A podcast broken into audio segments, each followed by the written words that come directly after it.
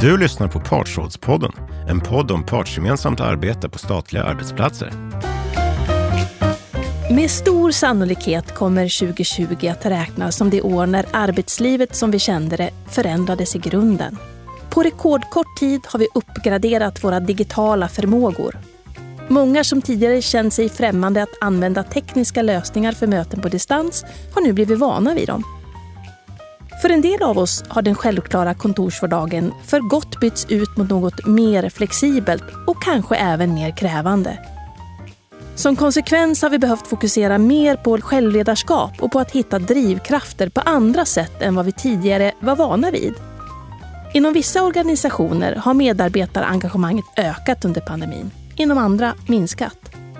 Upplevelsen av det nya normala om vi nu vågar oss på att prata om det redan nu, varierar från individ till individ. Men det finns redan tecken på att sjukskrivningstalen på grund av fysiska och psykosociala besvär går upp i samhället i stort. Frågan är hur allt det här kommer att påverka morgondagens medarbetare och organisationer. Vad ska vi fokusera på för att skapa ett hållbart arbetsliv på riktigt? Och finns det åtgärder vi kan vidta redan idag för att minimera ohälsan på framtidens arbetsplats? Jag heter Emilia Liljefrost och är programchef för Partsrådets program för hållbart arbetsliv.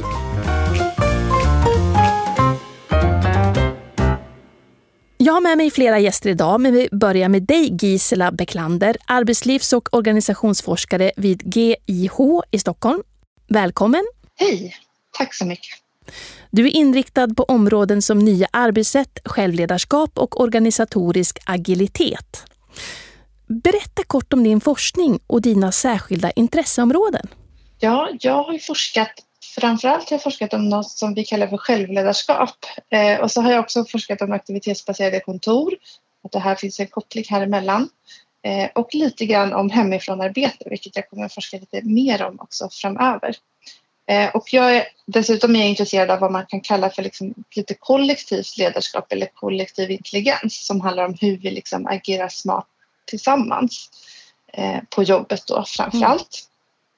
Mm. Eh, men framförallt har det handlat om det här med självledarskap och jag har sett självledarskap lite som nästan ett slags krav i, i arbetslivet. Att man behöver fatta en mängd olika beslut om hur och var eh, man sköter sitt arbete, när man gör sitt arbete, kanske med vad man jobbar i vissa fall eller i alla fall i vilken ordning och även liksom med vem eh, man jobbar och så vidare.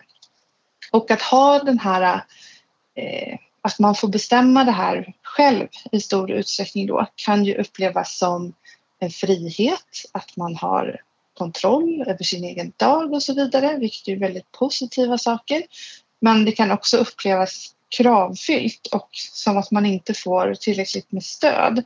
Och ofta så är det om det liksom är i kombination med um, en väldigt hög arbetsbelastning mm. så att man egentligen, egentligen ser problemet att man har bara alldeles för mycket saker att göra.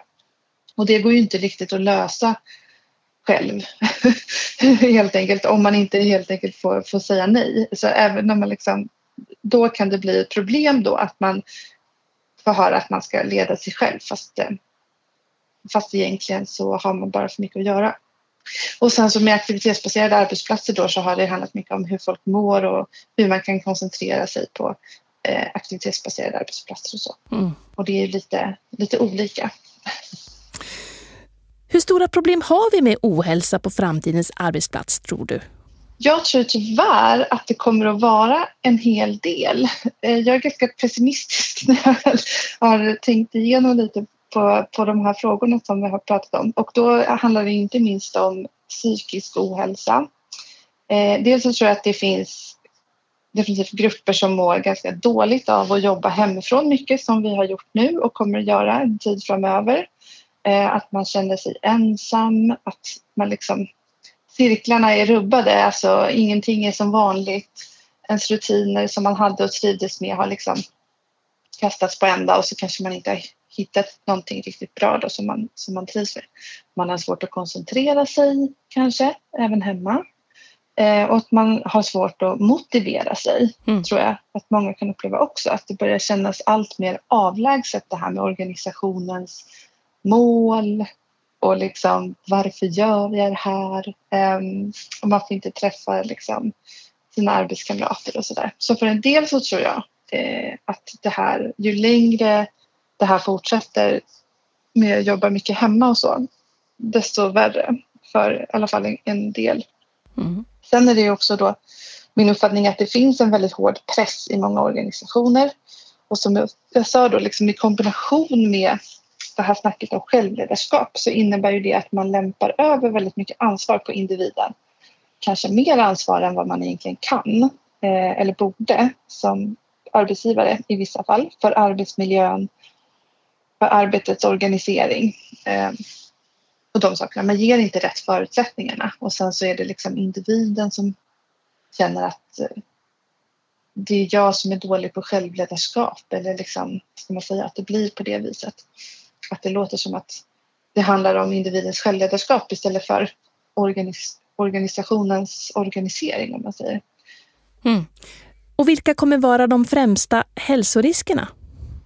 Ja, en hälsorisk som jag tänker på nu, nu när jag är då lite, om jag får vara lite pessimistisk, så handlar det om eh, dels en eventuell liksom försämrad arbetsrätt är ju i sig en ganska stor hälsorisk eftersom man beter sig annorlunda om man är rädd för att bli av med jobbet och om man gör liksom allting som gör det svårare att protestera mot risker eller någonting som är fel på en arbetsplats det är ju en hälsorisk, inte bara för en själv utan för ens kollegor och kanske till och med vad säger, kunder eller eh, liksom folk som, som man jobbar mot i verksamheten.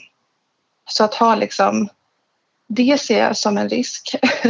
och sen så när, om man tänker kring hemifrånarbetet hos oss så är det ju såklart ergonomi mm. och de psykiska eh, aspekterna känns väldigt viktiga som arbetsgivare så får man ju, vad jag förstår i alla fall, inte direkt köpa möbler och sånt åt, åt folk som jobbar utan att det då ska förmånsbeskattas och så vidare. Så att det där kanske, jag menar, får man kanske se över den lagstiftningen lite så här, vad finns det för möjligheter? Nu har jag hört mycket om att folk får låna hem olika möbler och utrustning och så från kontoret men det är inte säkert att det som passar som kontorsutrustning passar som liksom att ha i sitt hem fast man ändå kanske behöver kunna sitta, sitta ordentligt om man ska sitta vid en dator. Så det där det känns ju som ett, eh, någonting som man måste se över lite grann. Mm. Jag tänker också det här med kring självledarskapet så är det ju en risk att problemen liksom individualiseras och, och, och internaliseras. Det måste inte bli så, men om vi pratar liksom om det finns, vad finns det för risker så ser jag det som en risk. Alltså att man har sånt som egentligen är organisatoriska problem och att man ser det som ett det blir ett individuellt problem ifall man pratar om har väldigt mycket liksom fokus på det här med självledarskapet. Så till exempel om man sitter i ett kontorslandskap som inte passar för det jobbet som folk gör. Då att folk har problem att koncentrera sig, det är ju inget konstigt då utan det är ju helt naturligt. Så det är ju inte liksom individen som har svårt att koncentrera sig. Alltså, det är inte där problemet ligger utan problemet ligger ju då i att eh, miljön inte är anpassad till jobbet. Men om det är väldigt mycket så här, så här är det här och vi, ni utövar självledarskap, då blir det mer som ett... Det blir naturligt att tänka då. Och min forskning visar också det att då tenderar man att liksom internalisera problemen och man ser sig själv som källan till, till eh, stressen lite mer. Eh, så att det som kanske egentligen är ett dåligt ledarskap kan bli till att vara ett dåligt självledarskap om det blir på det viset, det är en väldigt stor stressrisk. Mm. Hur tror du att balansen mellan krav och resurser kommer att se ut? Ja, eftersom jag nu har varit lite pessimistisk så tror jag ju att det kommer nog att fortsätta vara ganska höga krav och lite sådär med resurser. Och alltså om man ser nu, nu kanske man blir lite för närsynt om man säger, pratar bara om det här med hemifrånarbetet och liksom hur länge det nu ska pågå men där är det ju jättemycket resurser då som arbetsgivaren kanske kan slippa tillhandahålla då ifall man kan skära ner på kontoret och så vidare och som medarbetaren får helt enkelt betala själv eller att man liksom om man inte betalar det i pengar så får man liksom betala med en, en sämre anpassad situation. Mm. Så om man om det är så då att man kanske är lite trångbodd i alla fall i relation till att man ska jobba hemma eh, och liksom får svårare att koncentrera sig eller det blir svårare att jobba, man presterar sämre. Liksom, vad skulle man ha gjort åt det som individ? Det är lite svårt att svara på. Så det där ser jag som ett liksom bekymmer som man behöver lösa. Och det behöver ju inte vara... Det kan man ju komma på någonting säkert. Men jag tror att det, är liksom, det blir väldigt mycket som man kan tänka så här, åh, här kan vi spara pengar. Men vad, liksom, hur ska medarbetaren kunna lösa sin situation? Mm. Så trenden har ju lite gått tycker jag mot att individerna får stå för sina egna resurser. Och då måste man ju bli eh, mycket mer explicit i att liksom be om eller kräva det man behöver. Det tror jag är något som man, eh, liksom, i alla fall på sikt, om det ska vara då mycket självledarskap och så vidare, då måste man kunna säga vad man behöver och försöka få de resurserna som man ser att man behöver för att kunna göra sitt jobb. Hur ser självledarskapet ut i framtiden och hur stimulerar vi det? Mm. Förhoppningsvis så blir organisationer och människor mer medvetna om hur deras arbete liksom påverkar deras kognition och hälsa och värdesätter det lite högre. Eh, jag tänker att om vi ska vara liksom kunskapsarbetare, innovativa, värdeskapande så måste vi kunna tänka klart och ha lite utrymme för det i vår arbetsdag. Och eh, om det inte är det som är huvudsaken så kanske vi, liksom, vi ska bemöta kunder, vi ska bemöta brukare på ett bra sätt, liksom lyhört, flexibelt och förstå dem. Så behöver vi också ha en ganska hög mental närvaro som verkligen inte gynnas av extrem stress. Så att min förhoppning är liksom att den här kvaliteten på, på uppmärksamheten som man kan ge sina uppgifter att den får en lite högre prioritet. Och det är det som jag försöker verkligen främja, liksom, både med min forskning och eh, ja, med den här boken som jag precis har skrivit som liksom vänder sig till vanliga, eh, vanliga människor. Och jag tänker att ja, den här liksom kvaliteten på, på uppmärksamheten, man säger, dels handlar det om liksom vilken kvalitet på jobbet kan man, kan man åstadkomma, att, liksom att den kan bli bättre men också att det blir mindre stress om man lyckas um, koncentrera sig bättre och man lyckas koncentrera sig bättre om det blir mindre stress. Så att det finns liksom många skäl att försöka prioritera det där lite högre. Mm. Hur kommer utvecklingen av AI och automatisering att påverka medarbetarhälsan och engagemanget? Det beror ju verkligen på i vems intresse eh, man utvecklar de här teknikerna eller liksom vems intresse man har för ögonen. För att sådana här tekniker, eller den mesta tekniken egentligen, är ju varken bra eller dålig liksom, i sig själv utan det beror verkligen på hur man, hur man utvecklar den, vad den ska användas till och så vidare. Och en sak som jag tänker på är att jag tror att många personer tycker nog att det är ganska tråkigt och meningslöst att interagera med en AI för att de AI som vi liksom har, de är inte speciellt märkvärdiga och så här science fiction och coola i verkligheten utan det är typ ett glorifierat formulär som man interagerar med istället för att interagera med en människa. Det, det tillför inte så mycket till jobbet. Alltså att interagera med en människa kan ju i alla fall många fall, inte alltid, men i många fall så ger det ju någonting mer än bara att nu löser jag den här uppgiften mm. tillsammans med den här personen. Utan vi har ju sociala behov, Eh, man kan känna sig sedd och uppskattad, man bryr sig om andra människor och allt det där ifall det liksom mycket av ens jobb ersätts liksom från att interagera med människor till att man ska interagera med en, eh, en algoritm eller så. Det tror jag påverkar folks engagemang negativt och att man tycker att det blir mindre roligt på, på många sätt. Mm. Um, och en annan risk som finns är ju att man använder de här teknikerna för att fatta beslut om människor, till exempel om medarbetare, på sätt som är eller svåra att granska och få insyn i. Att man inte riktigt förstår varför de tar de beslut de tar och som ingen person liksom står till svars för. Och det verkar ju i vissa fall till och med vara syftet med att använda dem, alltså att skifta ansvaret bort från sig själv. Så att det blir så här, Ja, men det här är liksom objektivt, datorn, datorn säger att det här är beslutet och så att man kanske inte får se hur hur har den kommit fram till det här? Hur har den viktat olika saker och kommit fram till det här beslutet?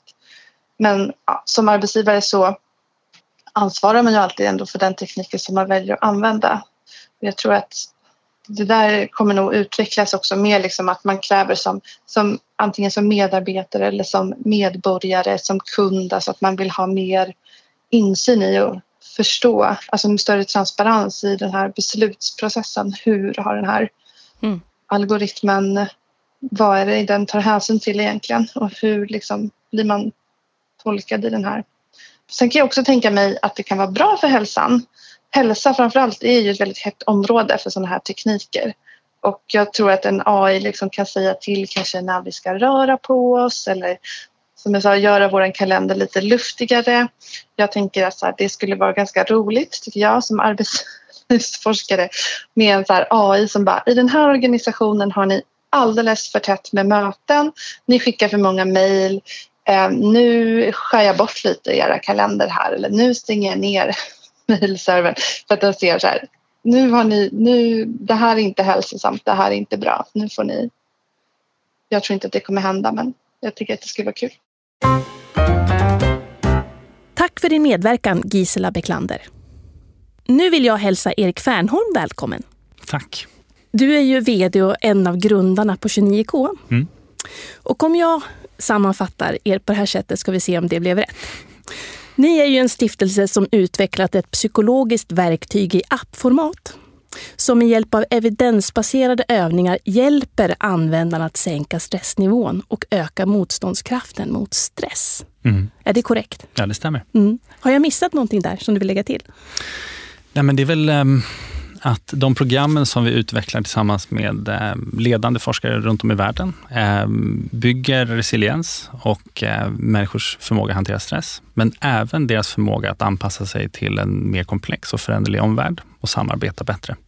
Uh, så man bygger förmågor som, som även hjälper människor att lösa problem samtidigt som man gör dem mer resilienta och tåliga mot stress. Mm. Vad menar vi när vi säger resiliens och resilienta? Vad, vad, finns det ett annat sätt att använda eller uttrycka det ordet? Ja, precis. Så, så på svenska kanske det skulle vara um, återhämtningsförmåga. Um, vilket blir allt viktigare. För när vi ser att sättet som vi har agerat på tidigare utmanas, uh, inte minst nu senaste halvåret, Eh, så ser vi att hur vi hämtar oss från en sån ehm, yttre stressor, ehm, om det kan göra oss till och med ehm, starkare, eh, så är det någonting som blir en väldigt mm, positiv liksom, ja, riktning som man kan ta med sig från en sån utmaning.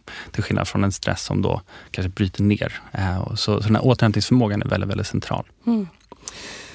Vad är orsaken till att ni har tagit fram den här digitala plattformen?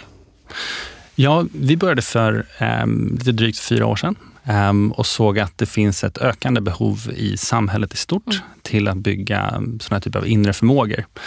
Och med den utvecklingen som, som sker så ser vi att den, den digitala tekniken kan tillgängliggöra Eh, och kostnadseffektivisera eh, och egentligen faktiskt behålla eller till och med förstärka effekterna. Och det är det som är det som är väldigt, väldigt spännande med det här området. Att teknik tillsammans med evidensbaserade verktyg kan faktiskt förstärka effekten som man kan förvänta sig. Och det blir inte alls lika dyrt som att eh, gå till fysiska liksom, eh, träffar och så vidare. Mm. Utifrån din akademiska bakgrund inom neuromotivations och lyckoforskning, vad tror du kommer driva och engagera medarbetare på framtidens arbetsplats? Ja, det är en jättespännande fråga. Så framtidens arbetsplats är ju, ehm, det är ingen som riktigt vet vad det är. Eh, I och, med att, eh, och det märker vi inte minst nu. Så, så vi vet inte vad vi kommer jobba med om 20 eller 30 år. Eh, men det vi vet, eh, med det sagt, är att vi kommer möta allt större komplexitet och det kommer handla om människor. Det kommer handla om människor som ska försöka lösa problem tillsammans. Och då, då finns det ju faktiskt saker som vi kan veta om det området. Eh, som vi ser redan hos de mest kanske då komplexa arbetsplatserna eller liksom snabbföränderliga miljöer. Där man ser att förmågan eh, till psykologisk flexibilitet, samarbete, hur man hanterar sina känslor, hur man kommunicerar och samarbetar med andra som har helt andra verklighetsbilder, blir allt, allt viktigare. Eh, så, så redan nu vet vi ganska mycket om hur människor kan anpassa sig i och trivas i och skapa skapa stora värden, lösa viktiga problem i de här komplexa miljöerna. Så de här förmågorna blir allt viktigare att vi lär oss för att kunna förbereda oss på en eh, föränderlig miljö eh, och en föränderlig liksom, arbetsmiljö som vi alla står inför. Så, mm. så det blir ett skifte, kanske från eh, mer konkreta, mm, att man ska lära sig nya konkreta förmågor i arbetet eller ny konkret specifik kunskap till eh, att vi ska bli duktiga på att lära oss nytt och lära oss om. Hur tror du att vi kan motverka ohälsa då framöver? Så, så det vi ser är att det här är ju dels väldigt, väldigt viktigt att göra. Eh, för vi ser att corona har, har lett till att den psykiska ohälsan har, har eskalerat ganska dramatiskt i samhället. Så, så mängden av depression till exempel har gått från 9% till ungefär 30% De människorna som lider av ångest har eh, ökat med 60% och de som lider av eh, sömnsvårigheter har ökat med, eh, med tre gånger faktiskt. Eh, så uppe på, på väldigt höga nivåer. Så, så ungefär varannan person i Sverige idag eh, lider av någon av de här tre. Um, och det intressanta med de här studierna som nu kommer ut är att för de individer som har byggt förmågor som forskningen visar att de här programmen, de här evidensbaserade programmen verkligen eh, förstärker. Eh, de, de drabbas inte alls lika hårt. Det är en skyddande faktor att man har jobbat med eh, förmågor som handlar om hur man relaterar till sig själv, till andra, Ehm, hur man jobbar med sina känslor.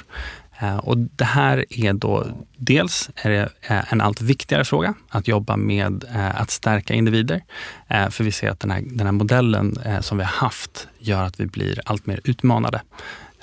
Så, så visar på en, en, ett större allvar men också hopp. Mm. Och hur hänger dagens och morgondagens yttre utmaningar ihop med de inre? Det som är otroligt spännande eh, med att förstå varför vi har de utmaningar vi har idag kring hållbarhet, kring välmående, kring att bygga en, en stark demokrati, men även liksom miljöfrågan, är att det vill säga att på, ett, på det mest utzoomade planet man kan svara på den frågan så är det att människor idag är de som egentligen både kan vara lösningen men också är orsaken till de problem vi har. Så det är egentligen mänsklig aktivitet som skapar ohållbarhet i samhället. Och när vi har förstått det så, så dels blir det kanske lite jobbigt att inse det, men det blir också väldigt hoppfullt. För då inser vi att det är mänsklig aktivitet, det vill säga hur vi agerar tillsammans som vi kan, eh, från den platsen kan vi förändra det här och bygga ett hållbart samhälle. Men det, det, kommer medföra att den inre dimensionen av vad det är vi värderar och vilka mål vi sätter upp och därmed agerar från, eh, det är det som måste skifta.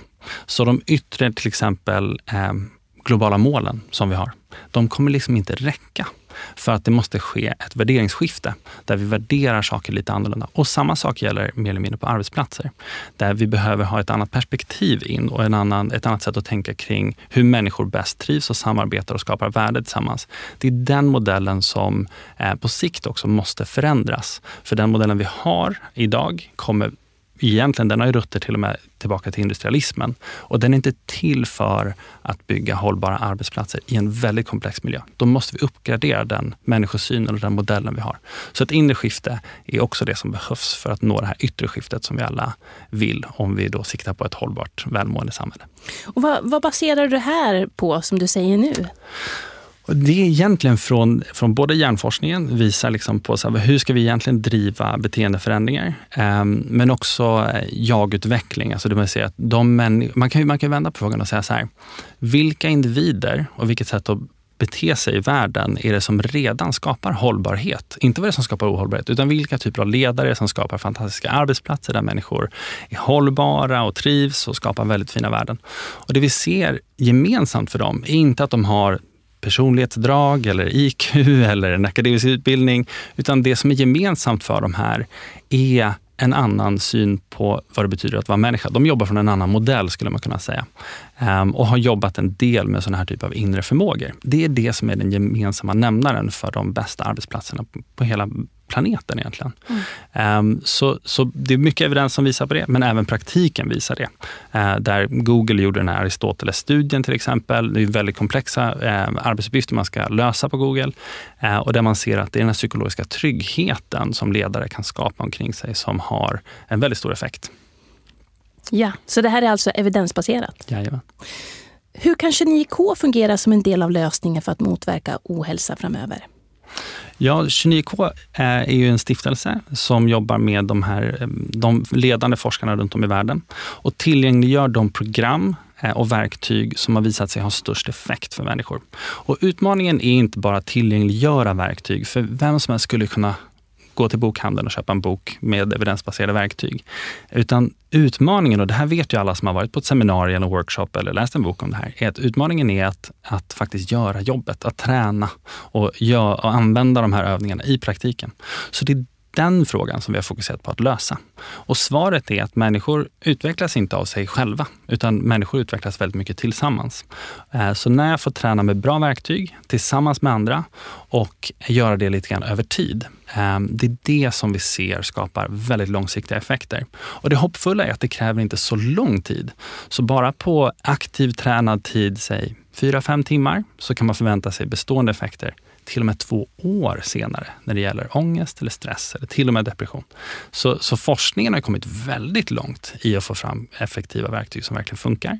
Men det är att göra dem meningsfulla eh, som är det vi har löst. Eh, och det är det vi ser i våra användartester och i, i alla de användarna, de tiotusentals användare vi har, eh, är att eh, vi har, om man går igenom en, en, en, en del av det här att man är i telefonen men, och jobbar med de här verktygen, men en del av det är att man är i, i grupp via telefonen. Då, så man är, mer, man är med ungefär som en liten studiecirkel. Um, och är man med i en sån grupp och har ett live-videosamtal med andra deltagare, då ser vi att 14 veckor senare så är liksom majoriteten av de som är med, eh, runt hälften, kanske lite mer till och med, är fortfarande inne och tränar. Och då kan vi förvänta oss en väldigt stor effekt. Så, att, så vi känner oss väldigt trygga i att säga att vi, vi har faktiskt löst någonting här som är viktigt att lösa. Mm, lovande. Stort tack till dig, Erik Fernholm. Inom kort lanserar vi på Partsrådets program för hållbart arbetsliv 29K, anpassad för medarbetare i statliga verksamheter. Så du som lyssnar och blir nyfiken kan gå in på vår webb för att läsa mer och göra intresseanmälan.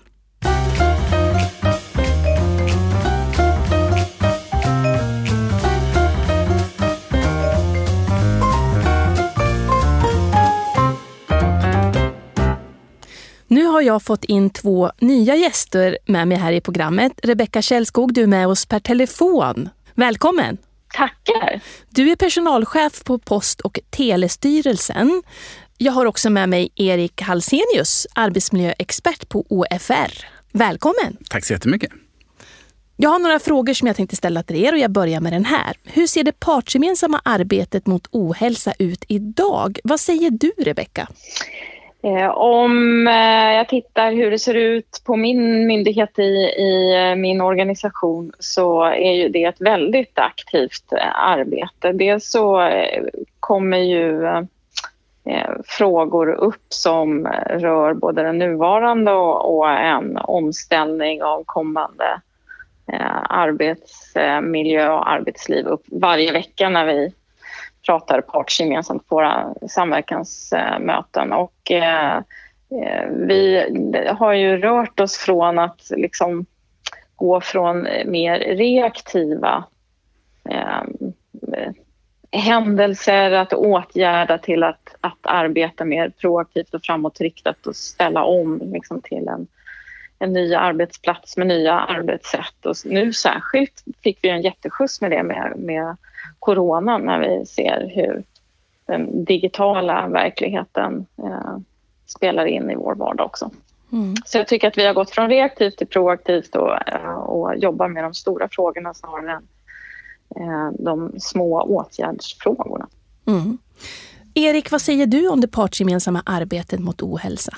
Och jag skulle kunna flyga in till den frågan från, eh, från nationellt och alla sektorer.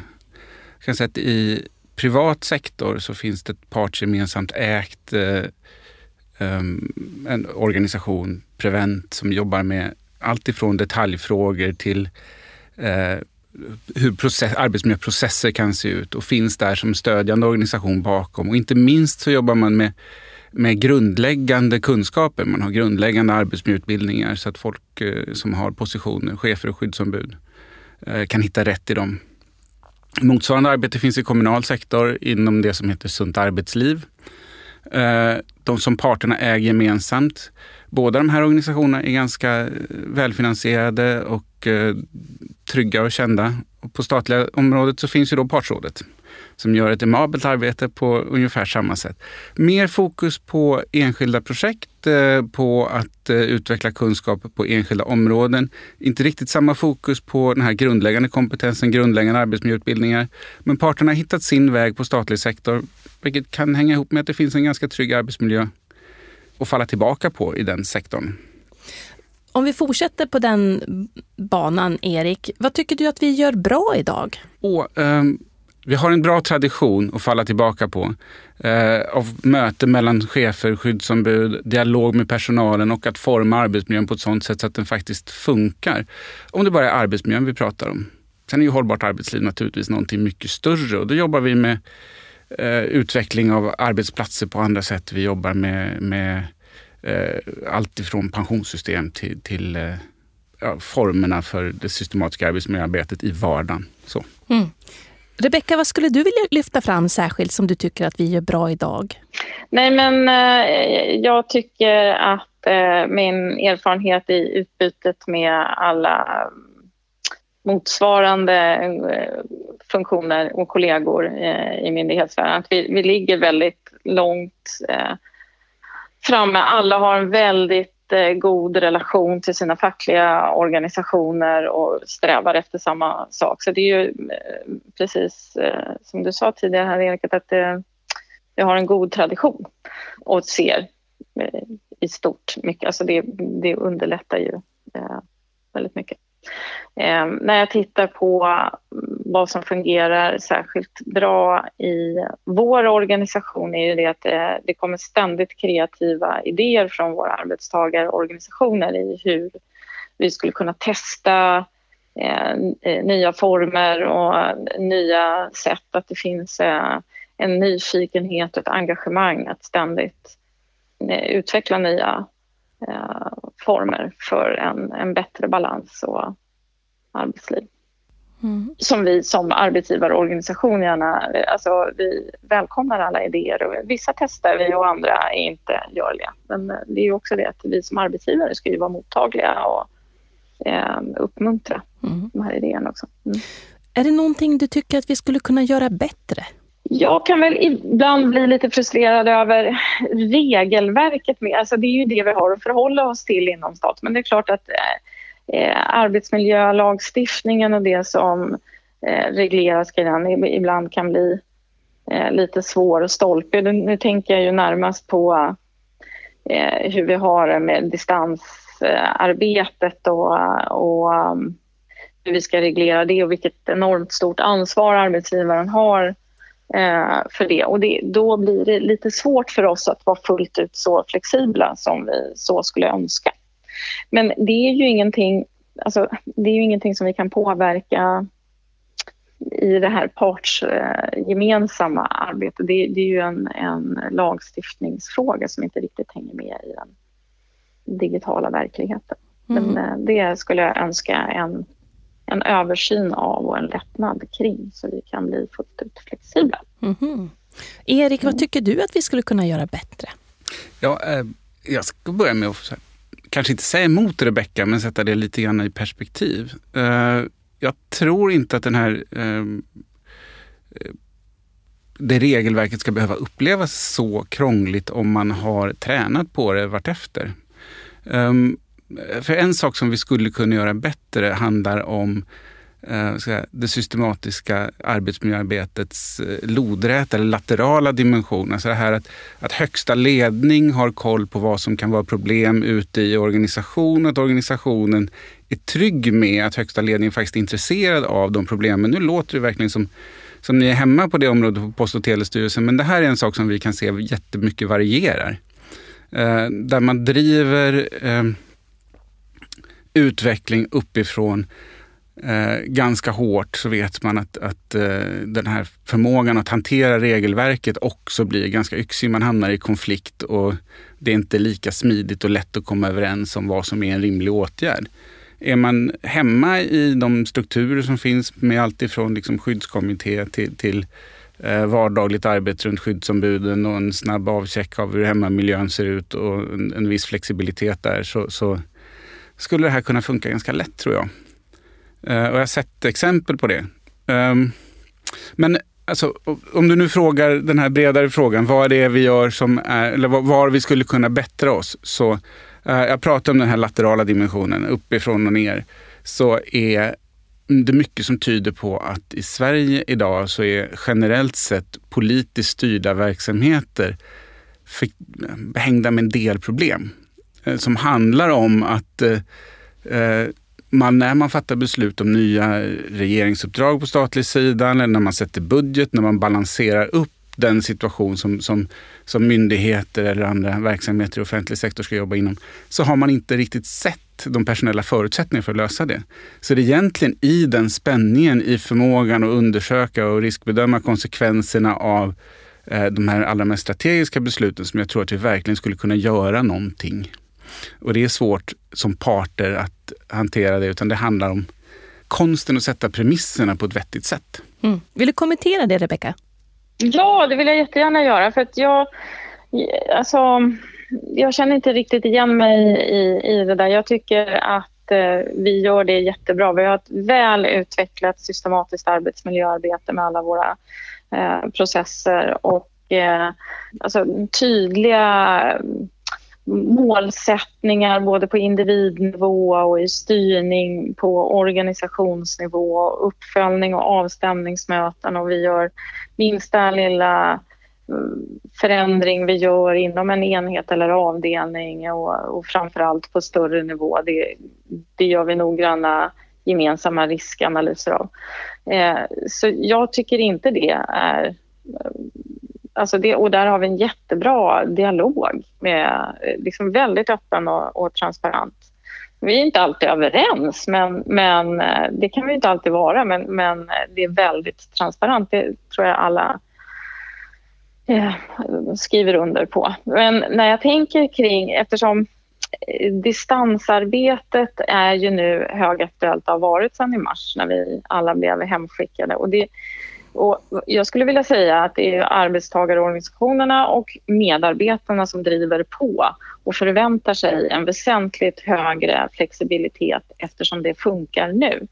Eh, där försöker vi som arbetsgivare förklara att ja, men det här är ett undantagstillstånd med hemarbete när vi pratar om, om liksom flexibelt arbetssätt och, och liksom distansarbete när vi går tillbaka i ett normaltillstånd, då, då, då gäller inte det på samma sätt. Och det, det ställer ju väldigt höga krav på oss med hemarbetsmiljön. Eh, eh, och också att kunna hålla, det är en sak nu när vi alla eller de flesta av oss sitter hemifrån och alla är digitala och möts i det digitala rummet. Men sen när vi ska köra i hybridform och medarbetare vill kanske styra det själva och chefen ska hålla reda på hur alla mår och hur det går i, i en hybridmiljö. Det blir jättesvårt. Mm. Och på samma tema där lite grann, vad upplever du Rebecka som det viktigaste att fokusera på i utvecklingen mot ett hållbart arbetsliv? Oj, det är många dimensioner. Ehm, det är ju eh, det här med hur vi upprätthåller en balans och vad är en god balans? Och den, att hitta hitta eh, liksom det som stämmer för individen men också ur ett större organisatoriskt perspektiv. För vi ska ju hålla väldigt länge. Vi kommer aldrig få jobba längre och jag tror att vi behöver mm, utveckla större möjligheter till karriärväxlingar och utvecklingsvägar för att man ska hålla eh, ett, ett längre arbetsliv. Mm. Vad säger du Erik? Mm, jag blev väldigt glad över det svaret för jag tror att det är just det här konsten att försöka hitta balans i varje givet läge som är, är som är den stora utmaningen. Um, och som jag var inne på tidigare, jag tror att det börjar redan i en planeringsprocess. Det börjar i... Vi kan ta en, annan, en andra faktor som handlar mm. om tillit. Uh, ja. Tillit eh, är, ehm, pratas det väldigt mycket om efter Tillitsdelegationens arbete. Jag tror att det också är en nyckelfråga i det hållbara arbetslivet. Både eh, den faktorn som pratas ganska mycket om, att man litar på sina medarbetare, sina anställda. Och sen den andra riktningen som kanske, ja, den finns också med i diskussionen, som det pratas mindre om, nämligen att jobba så att man blir en arbetsgivare som går att lita på. Att jobba med de strukturer som, som eh, som gör att man känner sig trygg med eh, att man kan väcka frågor och så. När jag hör din, ditt första inlägg Rebecka så, så låter det verkligen som, som ni är där. Ni tar de förslag som kommer, jobbar med dem och det är en, det är en öppen fråga. Men tittar man generellt runt om så är den här den här eh, förmågan att bygga en, en eh, arbetsorganisation där, där det finns tillit från medarbetarna till eh, arbetsgivaren eh, på många håll en utmaning. Mm. Vad tänker du om det, Rebecka? Jag blir nyfiken på att höra konkreta exempel på eh, det du berättar då att den tillitsfrågan är en sån stor utvecklingspotential. Skulle du kunna nämna eh, hur det är när det inte funkar? det finns gott om fall med en obekväm känsla. Man vill liksom inte vara här längre än nödvändigt. Eh, för att man känner sig inte värdesatt eller så. Och det ser man att, att Eh, de undersökningar, exitundersökningar som har gjorts vid, vid, pension till exempel visar att, att eh, de som inte känner att man har ett värde för sin egen arbetsgivare tenderar att gå tidigt. Det spelar större roll än, än nivå på pensionen och den ekonomiska tryggheten ner till, ner till en viss nivå naturligtvis. Så det, det är väl ett sådant exempel på, på åtminstone en temperaturmätare. Men sen vad i organisationen som gör det här, vad, vad det är för omständigheter vi pratar om, det kanske är svårare att sätta tummen på kanske. Mm. Mm.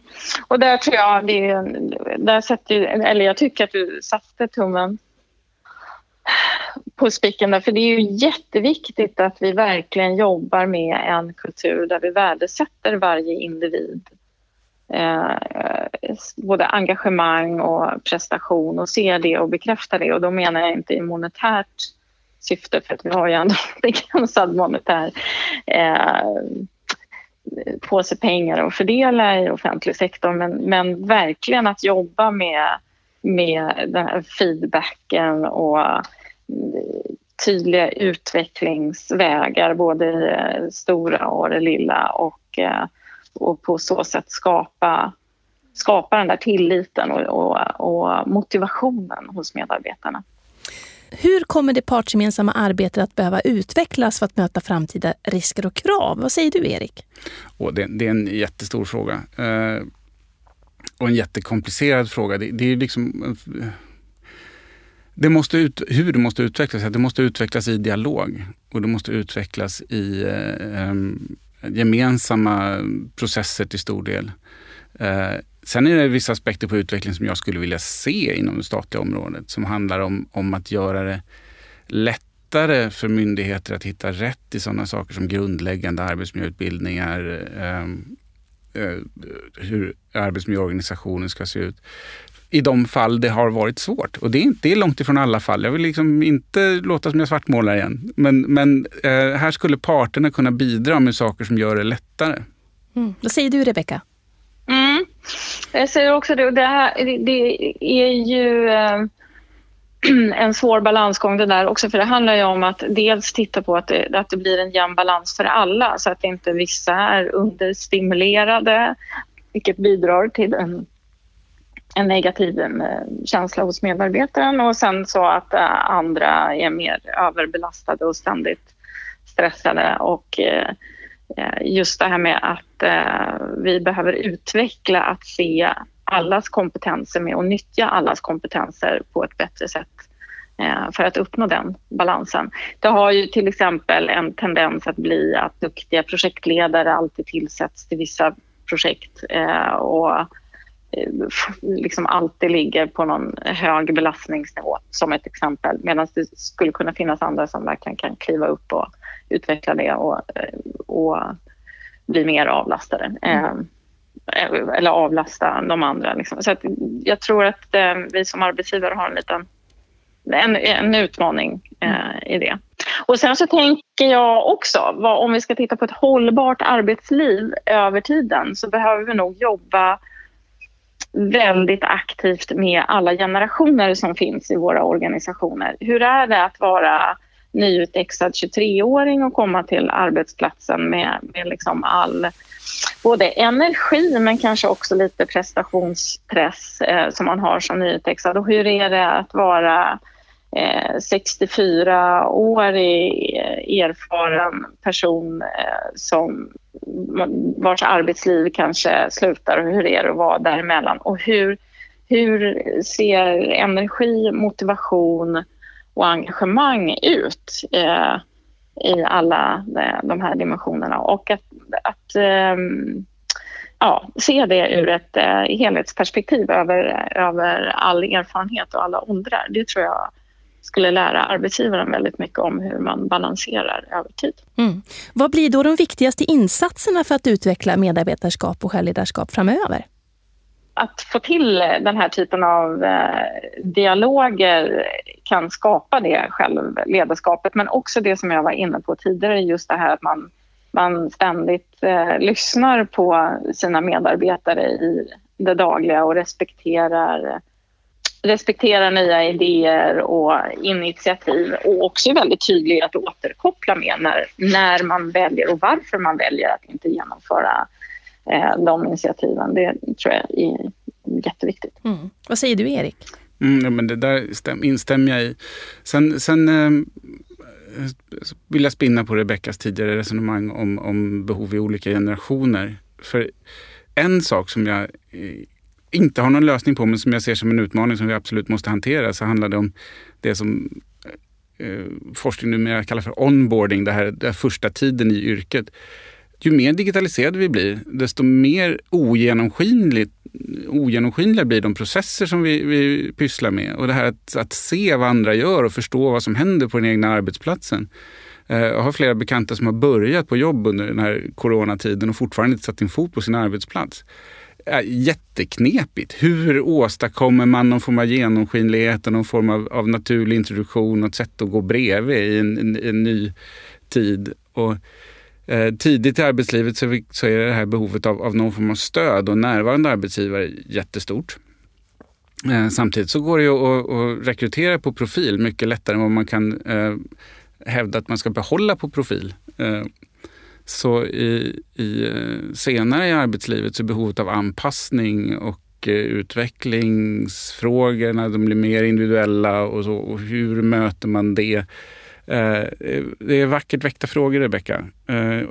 här har vi utmaningar som jag, jag tror att vi kan göra saker tillsammans. Mm. Mm. Tack snälla för att ni kom hit idag, Rebecka Källskog och Erik Halsenius. Och stort tack till alla er som har lyssnat. Partsrådets program för hållbart arbetsliv ska bidra till en bättre arbetsdag varje dag. Genom programmet erbjuder vi operativt stöd till statliga myndigheter. Det gör vi genom att värna om det partsgemensamma, arbetsgivare och fack som arbetar tillsammans. All information du behöver om våra tjänster hittar du på partsradet.se under rubriken Hållbart arbetsliv. Där kan du också göra en intresseanmälan för att få veta mer om en tjänst eller ett partsgemensamt avrop på den tjänst ni vill ta del av. Det här programmet görs på Beppo. Beppo.